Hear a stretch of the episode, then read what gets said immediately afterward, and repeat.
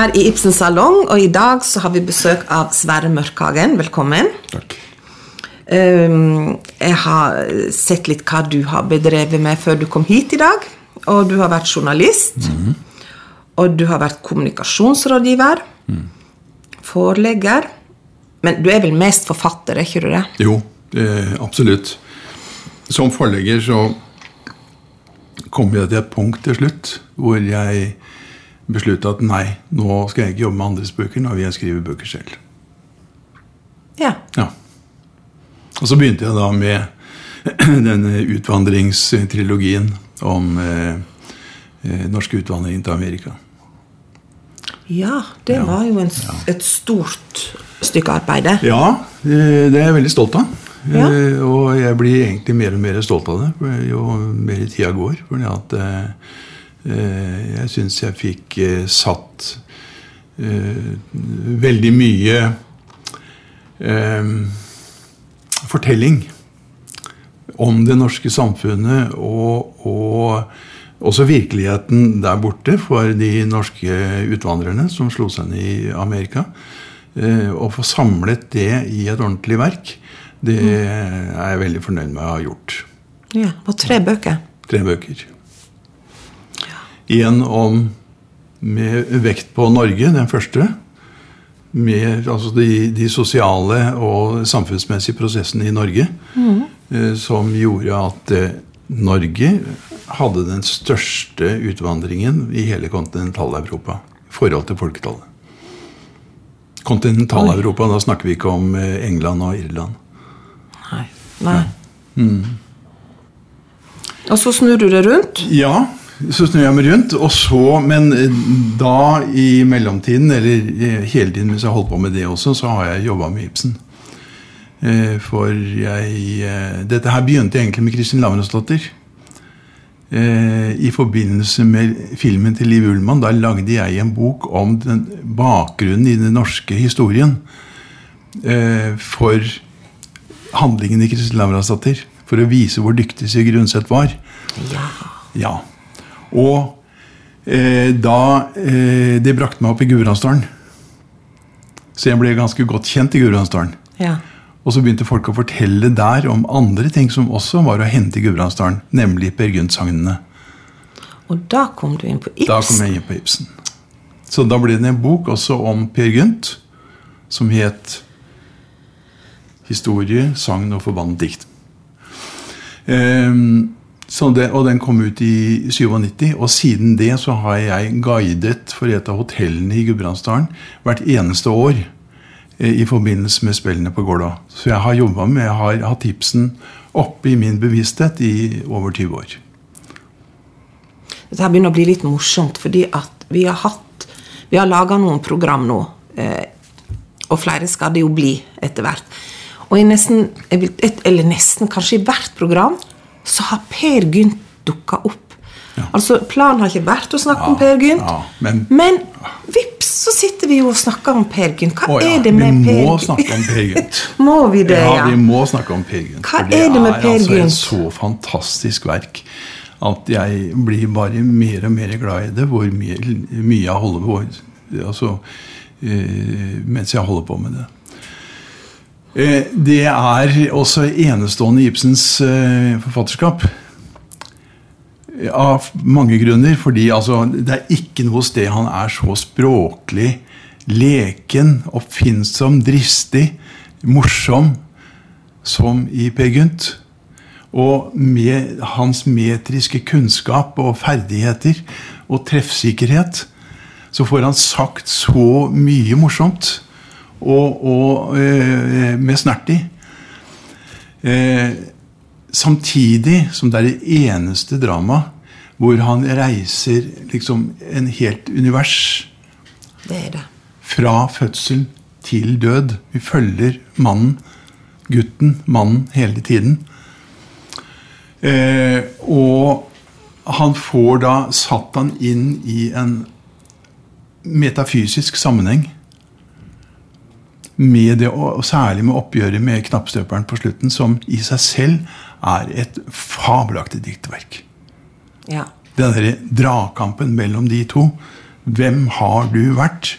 Du har vært meg selv, ikke sant? Ja, har du det? Nei, det tror ikke Vår Herre på. Her ser du cellen. Så, ja. Ja. Og, det, altså, og den, den ordvekslingen der mellom Per og knappstøperen, det er verdenslitteratur, altså. ja, det er flott. Jeg er Ja. helt enig med deg. ja, ja. Det er veldig ja. flott. Altså Hele Byggent er verdenslitteratur, det er ikke det.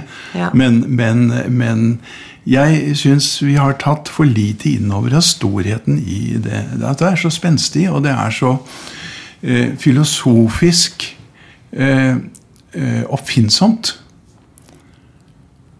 Men det blir jo spilt igjen og igjen Det blir og igjen. spilt igjen og og igjen. Ja, det, det, og, og, men men eh, vi trenger å spille det igjen og igjen. Og det, det er et av mine poenger når det gjelder både Ibsens forfatterskap og Per Gynt. At eh, vi må ikke glemme det. Fordi vi, har ikke, vi er ikke ferdig med det. Nei. Vi har ikke oppdaget alt. Det er så mange jeg håper å si, gjemmesteder, så mange kriker, så mange eh, meldinger som, og, og innsikter som fortsatt er Noe er oppdaget, noe er halvveis oppdaget, men det er mer å gå på der, altså. Vi må, må ikke bli late i forhold til Ibsen, vi må bare holde på og holde på. Og Det er derfor jeg har skrevet min biografi også. Ja, for den må vi jo inn på nå. Ja. Gratulerer med Riksmålsprisen først. Jo, takk. Den kom kjapt, og det er hyggelig. Veldig. Ja. Veldig hyggelig. Veldig hyggelig. Når jeg hørte at det nå var det kommet en biografi, Ibsen-biografi, så tenkte jeg Enda en Ibsen-biografi. Hvor mange Ibsen-biografier må vi ha? Er det så mye nytt å Altså, er det en mann i Norge det er skrevet så mange bøker om som Ibsen? Ikke bare biografier, men Så da har jeg anledning å spørre deg nå. Ja. Trenger vi flere Ibsen-biografier? Altså, Det forteller jo også at hvor mye det er å ta i Ibsens forfatterskap. Eh, og så har jeg et motspørsmål. Hvor mange Shakespeare-biografier kommer det ikke ut i England? Ja. Ja. De blir aldri ferdig med Shakespeare, og de har, holdt på, de har hatt flere hundre år å gå på i forhold til vi og Ibsen. Eh, så nei, vi kommer ikke til å bli ferdig med Ibsen. Og eh, jeg mener at om ti år så har det skjedd så mye at da bør det komme en ny biografi. Altså, Vi skal holde oss våkne vi på Ibsen. Vi skal ikke sovne. Og vi har en, en Ibsen-biografi allerede. Nei, det har vi ikke. Vi har Ibsen-biografier. Og det er også en del av en prosess. Og den må bare pågå og pågå. Vi kommer ikke til å bli ferdig med det. Jeg tror jeg har sagt dette her før i podkasten, men Ibsen sa jo sjøl at en sannhet varer høyst 17-18, muligens 20 år. Så det betyr Du sier 10 år. Ibsen sa kanskje hvert 20. år, han da. Jeg sier ti år fordi at det, det faktisk har, det- siden Hans Heiberg eh, med sin biografi i eh, 67-68, noe sånt, så har det kommet en ny biografi i Norge hvert tiår.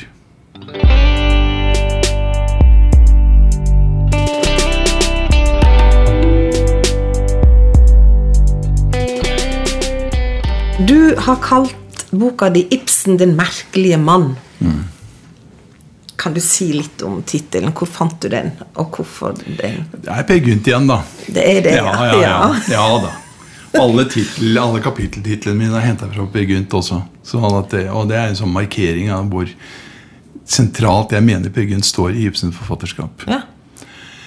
Eh, Det er Per Gynt selv som kommer hjem til Norge for å finne igjen hvem er, jeg, på sin jakt etter hvem er jeg, har jeg vært, og hvem skulle jeg ha vært. Mm. Så kommer han over denne tvangsauksjonen, eller eh, hva det nå er for noe, auksjon i hvert fall, eh, som er en fest samtidig, og hvor de morer seg sterkt over alle reminiscenser fra Per Gynt.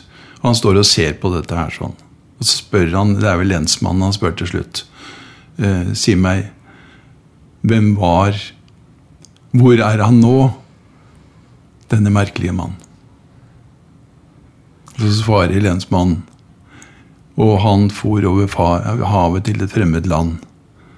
Og der har det gått ham som vi visst kunne tenkt, eller noe sånt nå. Nå var han for mange år siden hengt. Men der sto han. Der sto han.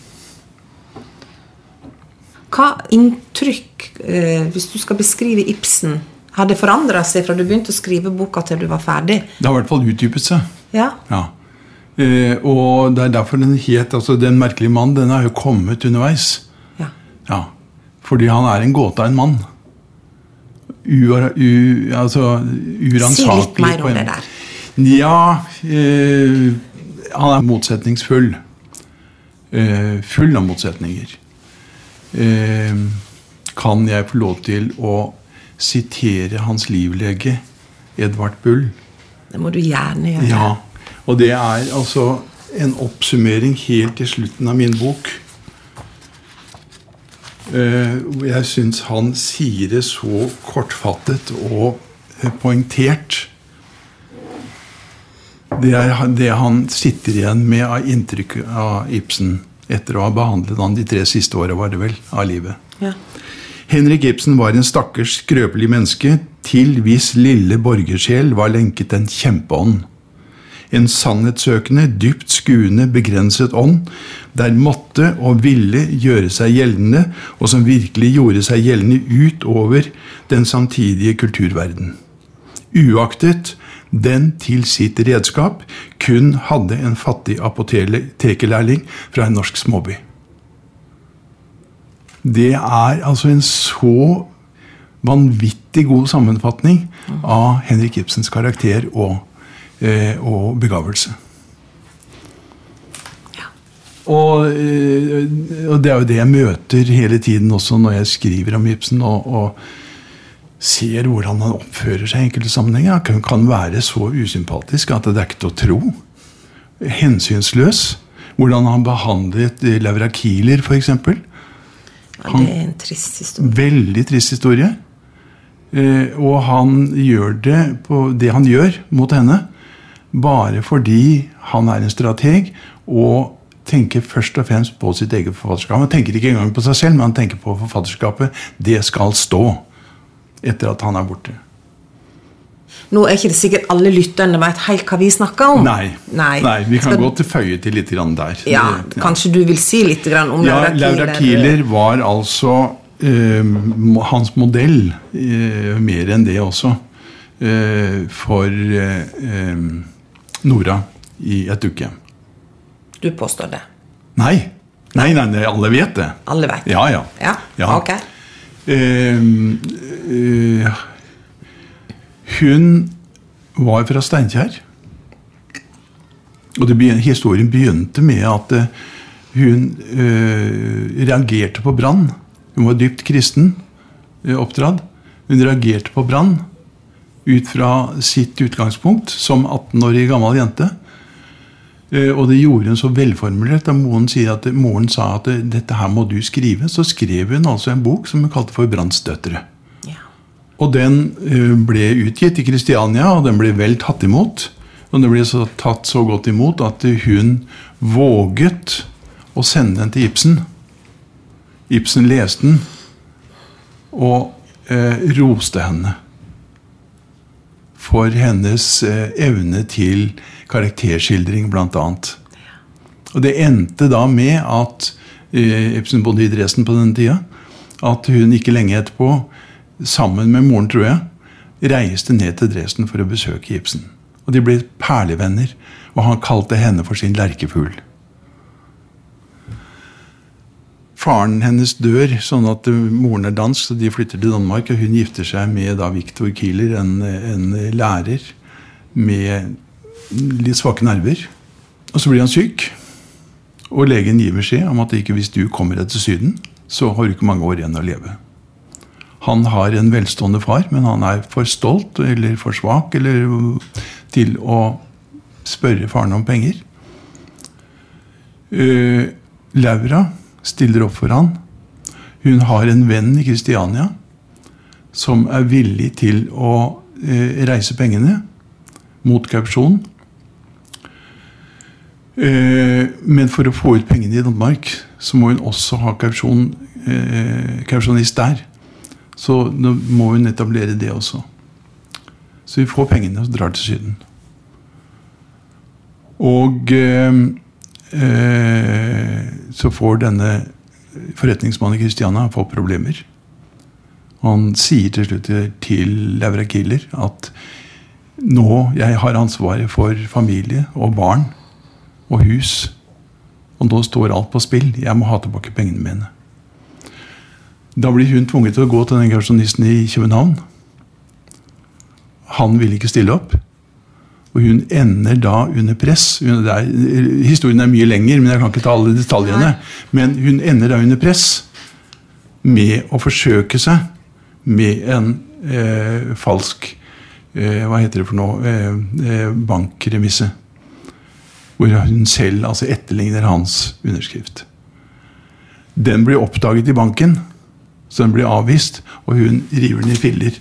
Men da er ulykka skjedd.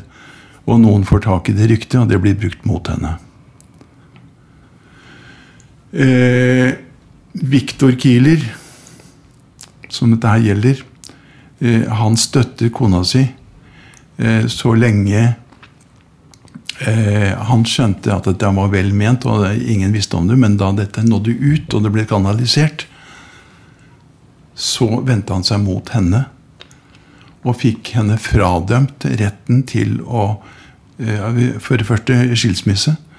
Og retten, eh, fradømt retten til å være sammen med barna sine. Den yngste var altså diebarn. Og hun måtte gå, reise fra alt sammen. Og hun forsøkte å få med Ibsen på en avtale med Fredrik Hegel for å få ut en bok og tjene noen penger. Ibsen han kan ikke ha skjønt hele sammenhengen, men i hvert fall så, så, så sendte han boka tilbake til henne. Sa han dette må du ikke gi ut. Og hun blir gal. Så hun blir, tvangs, hun blir tvangsinnlagt på sinnssykehus. Ja. Og det er en riktig stygg historie. Han oppfordra han vel òg til å fortelle det til mannen? Ja, det stemmer. Det stemmer. Eh, men i hvert fall Brandes la henne for hat. Ja. ja. Så etter hvert som hun klarte å komme på beina igjen eh, Victor Kiel ville ha henne tilbake. Eh, så øh, prøvde hun å, etablere seg på nytt som forfatter. Og Brandes var da ute for å skandalisere henne. Hun skrev da et drama som het ja. 'Menn av ære'. Ja, som Brandes tok veldig ille opp, for han trodde det var retta mot henne. Mot han. Ja. Alt dette her kommer Laura Kieler til Ibsen med mens han bor i Victoria Terrasse. Han er flytta tilbake til Kristiania. Og øh, han, hun forteller hele historien. Nå, nå, vil jeg De holder på i fire timer. Og han begynner å gråte og syns dette er forferdelig.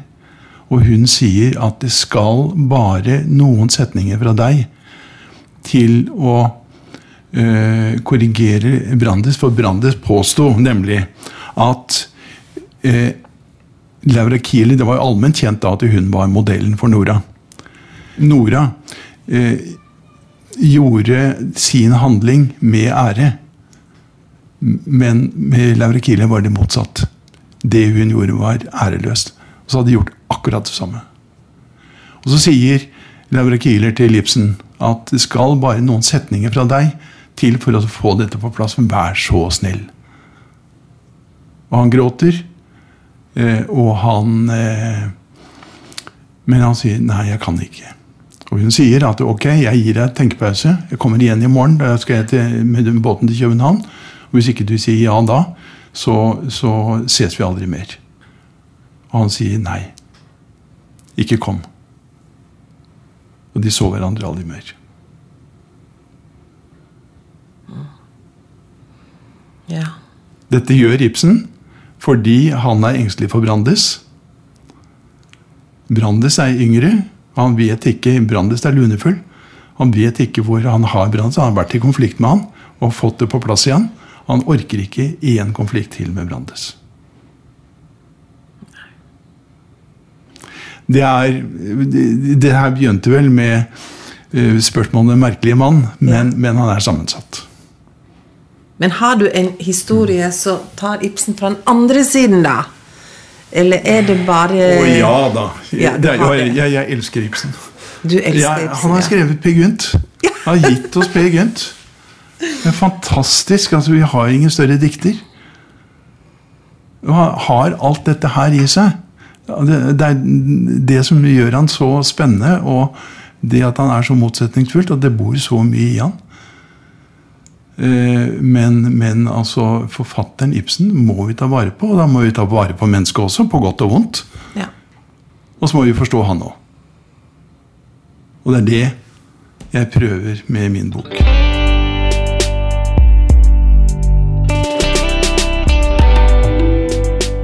Men når du skal begynne på en sånn eh, biografi, da hvordan, hvordan jobber du da? Forfra. Du begynner med ja, ja, nei, ja, man må bare jobbe seg inn i stoffet. ja. Ja, Begynne i den ene enden. Altså forske seg fram mens man skriver. Man kan ikke liksom først forske og så sette seg til å skrive. Men blir det kronologisk? Ja, ja. Du Altså, begynner med- en, en, en biografi skal være kronologisk. Og jeg, det ligger en kausalitet i eh, kronologien. Eh, altså tingenes, altså hendelsens rekkefølge. Eh, årsak og virkning. Eh, så det er helt naturlig å eh, følge livsløpet fra fødsel til død. Det er den eneste riktige måten å forstå et liv på. Ja. Hvor lang tid har du brukt på å skrive en sånn biografi? Ja, det er fem år siden jeg begynte på den. Ja. Ja. Selve skrivingen har jo pågått i tre-fire år, kanskje. ja. Men har du møtt på, møtt på noen vanskeligheter på veien? Eller har det gått sånn eh, Vanskelighetene kom jo etterpå. De kom etterpå? Ja. Ja. ja, nei, jeg vet ikke det. Altså eh, min, En av mine store utfordringer underveis var jo at jeg var oppe i et manus på over 1000 sider. Og forlaget sa veldig klart at dette må du kutte ned. Og da ble det kutta ned til Litt i underkant av 800. Ja. Jeg tror jeg var oppe i 1200 sider. Så det var sånn kill your darlings, dette her. Jeg måtte det. Eh, og og eh, jeg ser jo etterpå at det var helt riktig. Ja. Ja. Det som står igjen, det skal stå. ja. Men du sa at du møtte på vanskelighetene etterpå. Ja. Jeg, altså Tida har jo gått med til å diskutere dette eventuelle barnet, eh, Ja. som er altså en hypotese. Eh, og jeg er opptatt av den, ikke for barnet eller hypotesens skyld, men fordi det forklarer så mange ting som skjer på den tiden i Ibsen, Henrik Ibsens liv. Eh, Det er ingen opplagt grunn til at Henrik Ibsen, så fort han er konfirmert, skal dra av gårde til Grimstad. Eh, Det ble sagt det var eneste alternativet for at han kunne få seg en jobb og underholde seg selv. Det tror ikke jeg er sant. For Ibsen er i, i 51, er det vel 50 eller 51, i den eh, ene første oppholdet i Kristiania, så er han en tur i Skien. Han besøker onkelen sin, Kristoffer Blom Paus.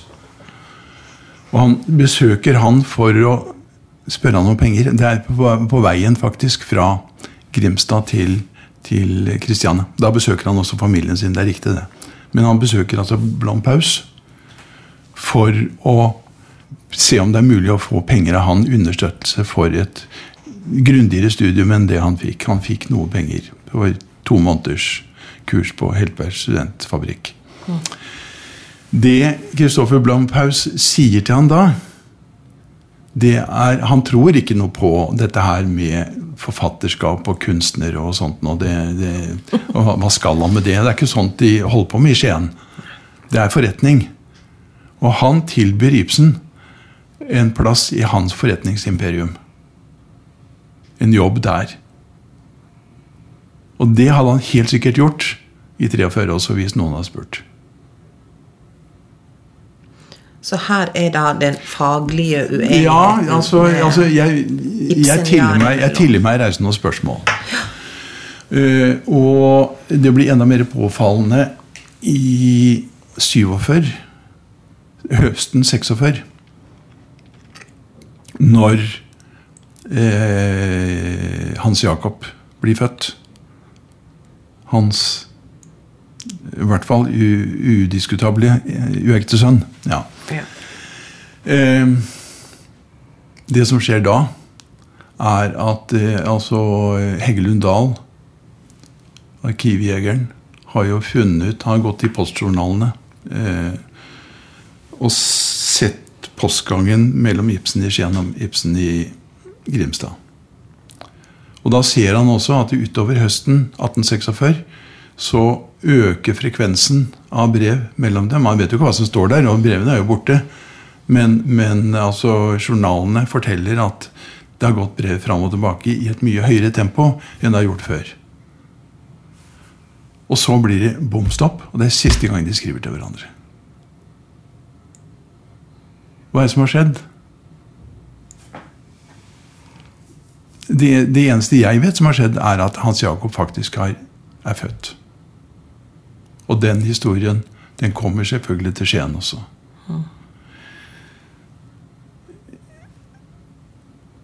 Jeg spekulerer på om reaksjonen i Skien henger sammen med noe som da har skjedd enda tidligere også. Ja.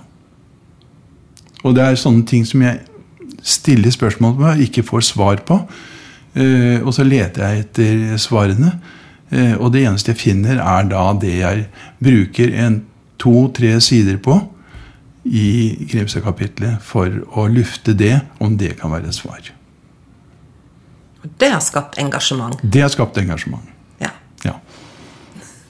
Så det står du midt oppi nå. Jeg håper det snart er slutt. Jeg har lyst til å snakke om andre ting også. Ja, for det er jo mye annet som skjer i boka. ja, å, ja, ja. ja, ja. ja. Jeg vil begynne å snakke om Per Gynt. Ja. Du vil snakke om Per Gynt, ja. Men har du eh, planer om noe mer Ibsen-litteratur? En ja, nei, det har jeg ikke. Men, men, men jeg har lyst til å føye litt til på Per Gynt. Eh, Og det er både i Byggmester Solnes' og i 'Når vi døde våkner', så mener jeg at vi ser meldinger om Per Gynt. Ja, Det må du si noe om. Ja, det skal jeg si noe om. Eh, Hilde, denne nå 20 år gamle jenta, har opplevd byggmester Solnes i, sitt, eh, eh, i sin ungdomsmakt, hvor han bygger dette høye tårnet og selv legger på kransen på toppen. Og triumferer over dette storverket som han har laget. Hun er ti år og syns det er fantastisk, og så kommer hun til han ti år senere. De har en slags avtale som han har glemt, men hun husker det. Om at uh, han, uh, de skal møtes igjen da. På en spesiell dato. Ja, det er en spesiell dato også. Nå husker jeg ikke sammenhengen med, det, med den datoen. Men jo da, det har noe med Hildur Andersen å gjøre. Helt riktig. Det her blir en lang podkast. Skal vi ta alle Ja, disse ja, her? ja, ja. Nei, men i hvert fall Det, det eh, som foregår mellom Hilde og byggemester Solnes, er at Hilde forsøker å pushe han til å gjøre dette en gang til. Dette med tårnet, storverket, eh, selv osv. Og byggemester Solnes sier at eh, nei, det har jeg gjort én gang i min ungdomskraft. Jeg gjør det ikke en gang til. Jeg er ikke i stand til det nå.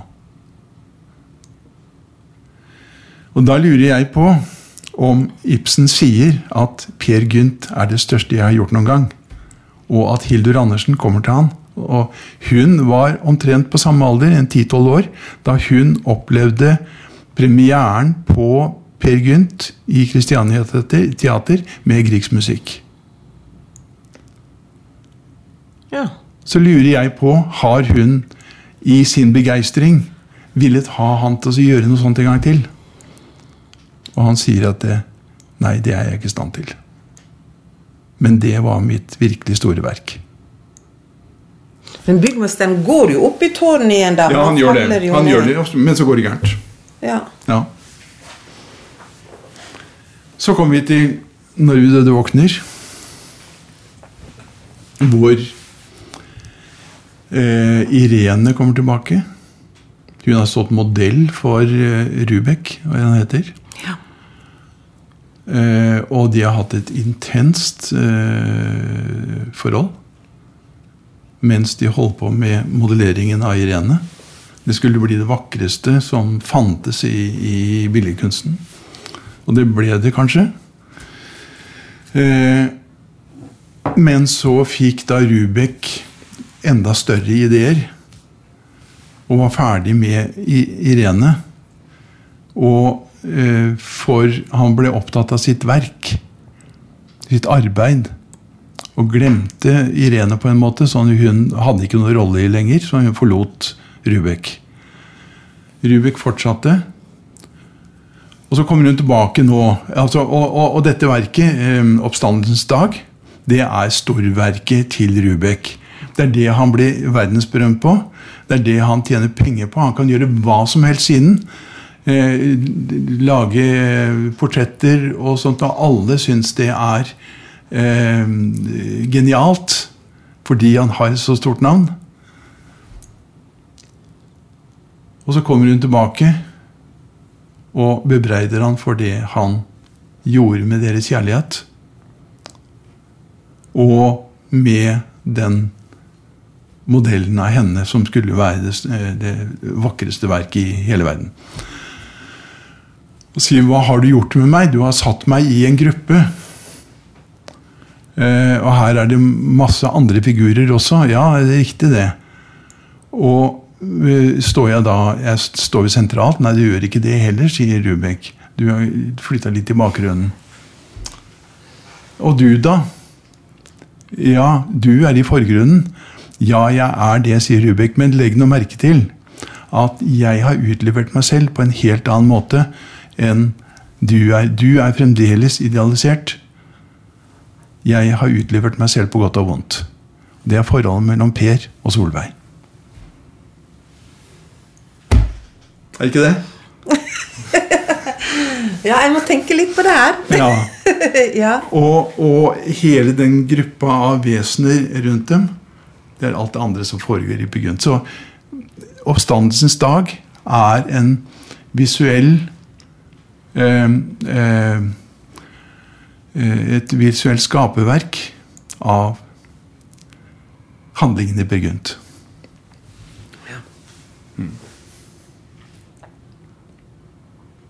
Det er tanker som jeg er inne i. ja. Det er veldig spennende å høre.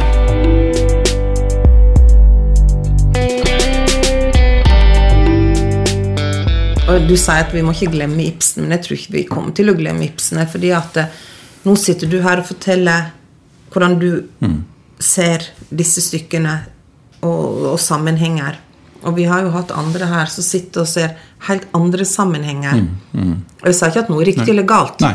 men det, altså, det er jo Jeg tenker at stykken til Ibsen har noe å si oss i dag, og om fem år så sier de oss noe helt annet. ikke sant? De, de utvikler seg på en måte sammen med oss. Akkurat det. Og derfor er jeg ikke så veldig redd for at han blir glemt. Det eneste jeg er redd for, er at vi blir historieløse. Fordi altså, jeg tror ikke Ibsens forfatterskap kunne vært gjort i dag. Jeg tror 1800-tallet ga helt andre eh, Hva skal vi si kulturbetingede eh, eh, Kulturelle betingelser for å skape sånt verk. Og det er noe med referansene som gjaldt på 1800-tallet, som vi har glemt i dag. Og derfor så er det viktig å ikke bli historieløse. Vi må ikke glemme historien, fordi at eh, den kan fortelle oss noe vi kanskje har glemt i mellomtiden. Ja, og det er sånn jeg tenker på eh, Vi, har, vi driver jo på og jobber med det nye Ibsen-museet nå. da Vi skal Ja. jo få se nå. Vi skal ja, ja, lage flott, en ny utstilling. Ja, det her er så fantastisk. Um, men jeg tenker når vi på, jobber på et museum, at vi jobber i, opererer i tre tider. Vi jobber i fortid, og vi er i dag, i nåtid, for framtida. Ikke sant? Så museet har en veldig viktig jobb der med at vi skal forstå nåtida og fortida. Ja, nettopp. nettopp. Ja. På og at det blir bare viktigere og viktigere. Og, Ja. ja. og jeg sender en stor takk til Christian Ringnes for at han setter i gang dette her. Det gjør vi òg. Det gjør dere også. ja, det gjør vi.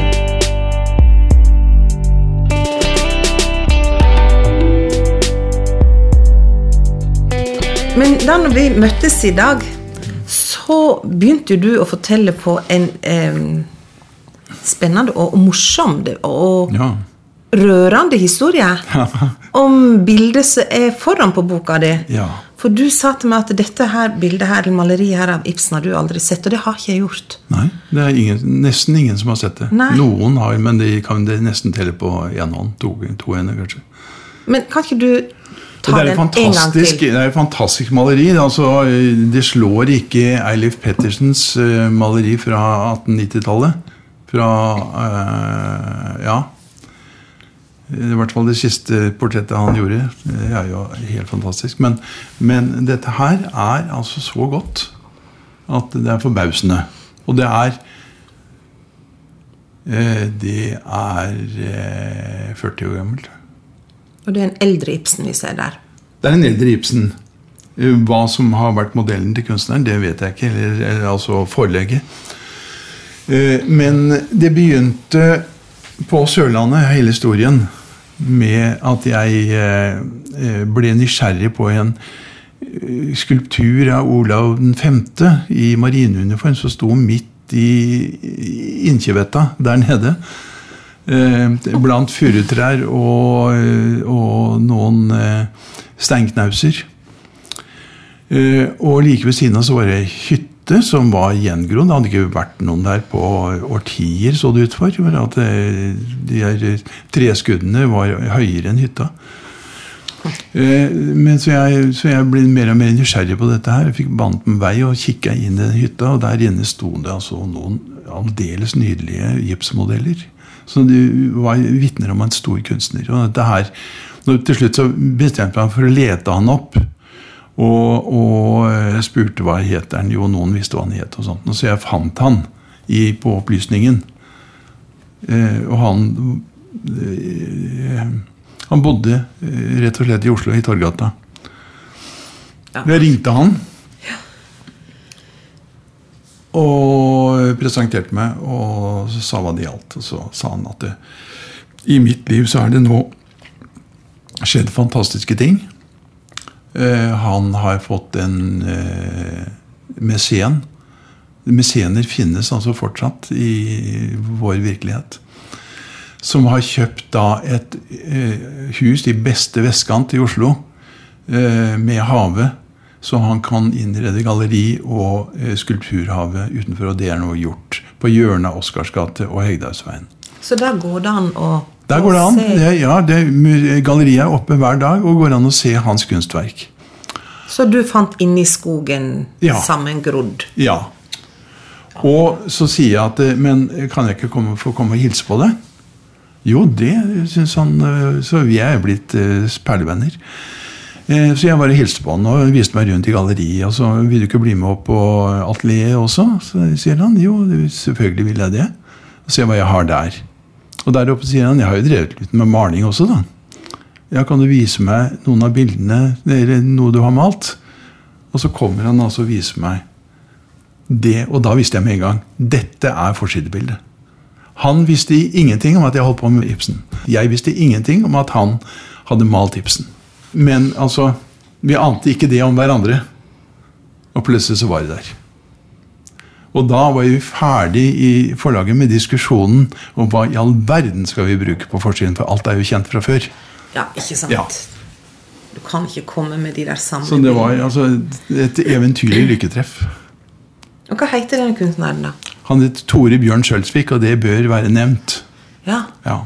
Og da jeg hadde lansering, så fikk han til å reise seg. Ja, jeg forlangte at han skulle komme og være til stede på lanseringen, og han ja, ja. ble presentert der. Det er en morsom historie. Er veldig. Ja, Rørende.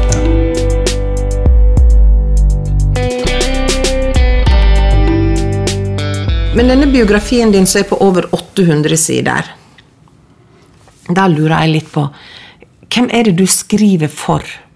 Er det for eh, Er det det vitenskapelige miljø, eller er det Ja, hvem er det Altså, du har i hodet? egentlig så, så skriver jeg for alle i min bevissthet. For jeg tror ikke noe på at eh, eh, akademikere er så veldig mye kommet så mye lenger i erkjennelse enn andre vanlige oppgående mennesker.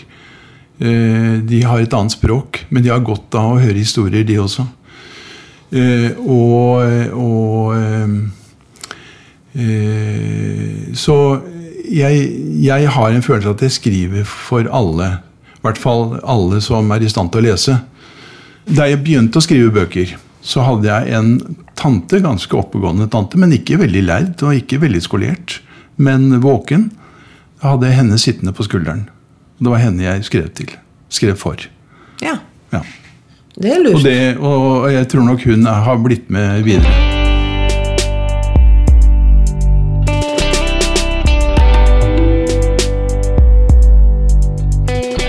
Det er mange historier knytta rundt denne her biografien, både med Ibsen og med forsida, og det er veldig morsomt å sitte her og høre på deg. Ja, det er hyggelig. Og det kunne vi gjerne ha Jeg gjort. er av den mening at historiene er de beste kulturbærerne vi har. Eh, Så da jeg holdt på med amerikabøkene, så baserte jeg også framstillingen veldig mye på historier. For historiene forteller, de har i seg miljøskildringer, de har i seg så mange kvaliteter eh, som faller bort i et vanlig akademisk resonnement. Så historiene er helt sentralt viktige når jeg skal fortelle eh, en, gi en framstilling. Og da skal jeg utfordre deg. Ja. Til slutt så skal du få avslutte denne podkasten med et eh, sitat fra Per Gynt som du syns betyr ekstra mye for deg. Eh, jeg vet ikke om jeg kan ta det på sparket, men jeg er ganske sikker på at jeg ville funnet fram et eh, lite utsnitt fra diskusjonen på slutten mellom Per og Knappstøperen. Og da kan vi Eh, alle som en går til Per Gynt Nå og skal vi se. Nå, skal, eh, ja, nå har jeg det. Altså, det er jo for så vidt ikke noe sitat, for Nei. det er et lite utsnitt. Men det er kjempefint. da. Ja, fordi altså, Per han forstår jo ikke hva knappstøperen snakker om engang, når, når han påstår at Per ikke har vært seg selv. Eh, Så han blir jo drevet på def defensiven. Eh, Og så kommer Per da Han skjønner jo at han er litt på tynnis nå. Så han sier da et spørsmål blått. Hva er det å være seg selv i grunnen? Og så sier knappstøperen et underlig spørsmål, især i munnen på en mann som nylig Svar kort og godt, sier Per. Å være seg selv, sier knappstøperen, er seg selv og døde. Dog, på deg er nok den forklaring spilt. Så derfor la det kalles overalt å møte med mesters mening som ut, uthengskilt. Der ligger det så mye. Der ligger det mye. Og med de orda fra Knappestøperen og Per Gynt, så sier jeg tusen takk for at du ville komme hit til eh, salongen. Dette var veldig hyggelig. Og så skal jeg lene meg tilbake og tenke litt på hva det betyr å være seg selv. Ja, det kan vi jo det må, gjøre det av må vi gjøre alle sammen. Det er Tusen takk for i dag. Ja, Takk i like måte.